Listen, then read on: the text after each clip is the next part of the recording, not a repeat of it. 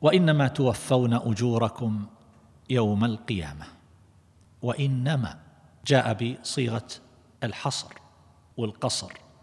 توفية الأجور هناك يوم القيامة. اذا هذه الدار ليست مجالا لتوفية الأجور. هذا معنى كبير وتدل عليه الآية دلالة واضحة. وإنما توفون أجوركم يوم القيامة. اذا قبل يوم القيامة ليس موضعا لتوفية الأجور. إذا تقرر هذا فذلك يعني أن الإنسان لا ينتظر في هذه الدنيا أن يوفى الأجر.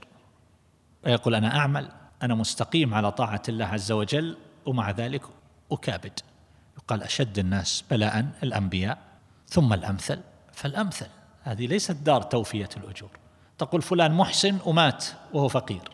فلان تقي ومات وهو في حياته يكابد من الأمراض والأعراض والمشكلات والهموم ومن كبد إلى كبد. ثم ماذا ليست هذه دار توفية الأجور. أيوب عليه الصلاة والسلام كم بقي؟ وهو يعاني من المرض. يوسف عليه الصلاة والسلام يدخل في تهمة قذرة في السجن ويبقى فيه السنين. وموسى عليه الصلاة والسلام يخرج من بلده. وهو خير أهل زمانه.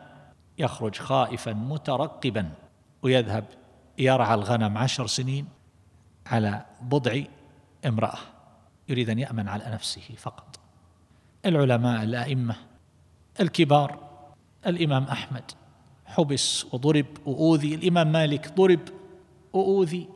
شيخ الإسلام ابن تيمية رحمه الله من حبس إلى حبس ومات في الحبس ومن الإرجاف إلى إرجاف.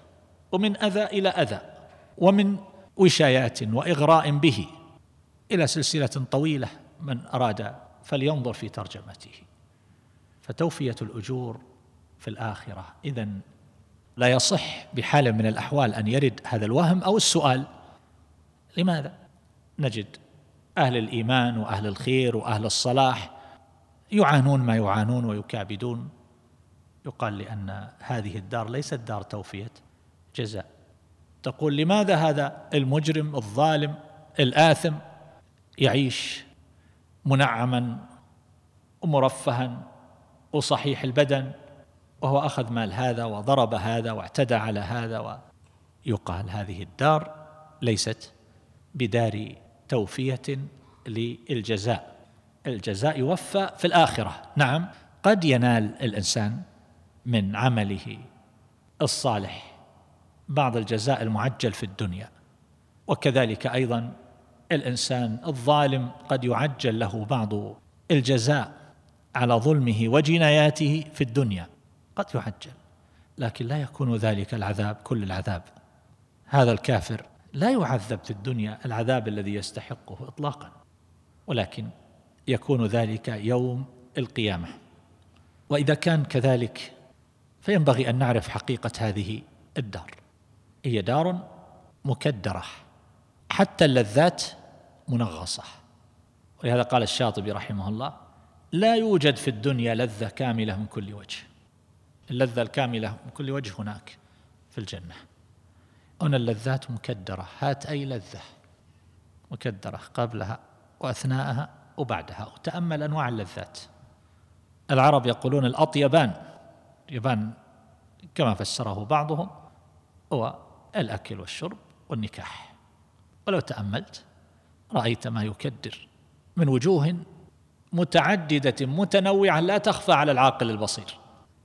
هذه حقيقة الدنيا. إذا كان هذا الأطيب عند العرب يكون بهذه المثابة فكيف بما دونهما؟ جمع المال كم يعاني فيه الإنسان؟ أو كم يعتوره من إن كثر ماله أو قل؟